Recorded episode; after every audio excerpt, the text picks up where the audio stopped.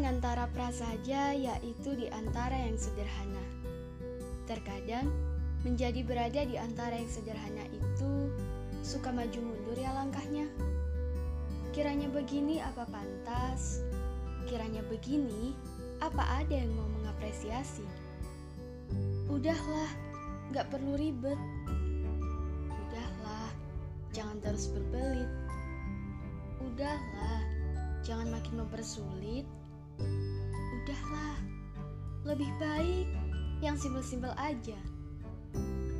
Selamat datang di podcast yang selalu menyajikan opini-opini, bahkan merambat pada puisi-puisi yang selalu membuat diri untuk lebih bersemangat lagi. Aku Delima Ami, stay tune on this podcast and be nearly with me.